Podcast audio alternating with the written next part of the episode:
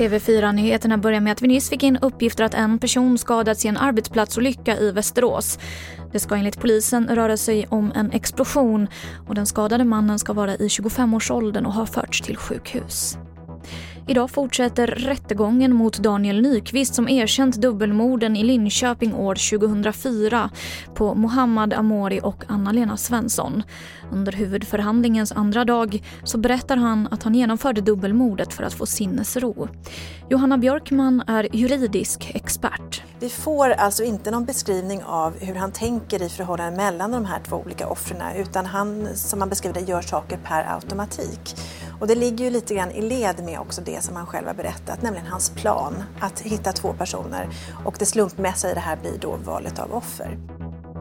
Det är rekordmånga som ansöker om skuldsanering hos Kronofogden. Det här rapporterar SVT om.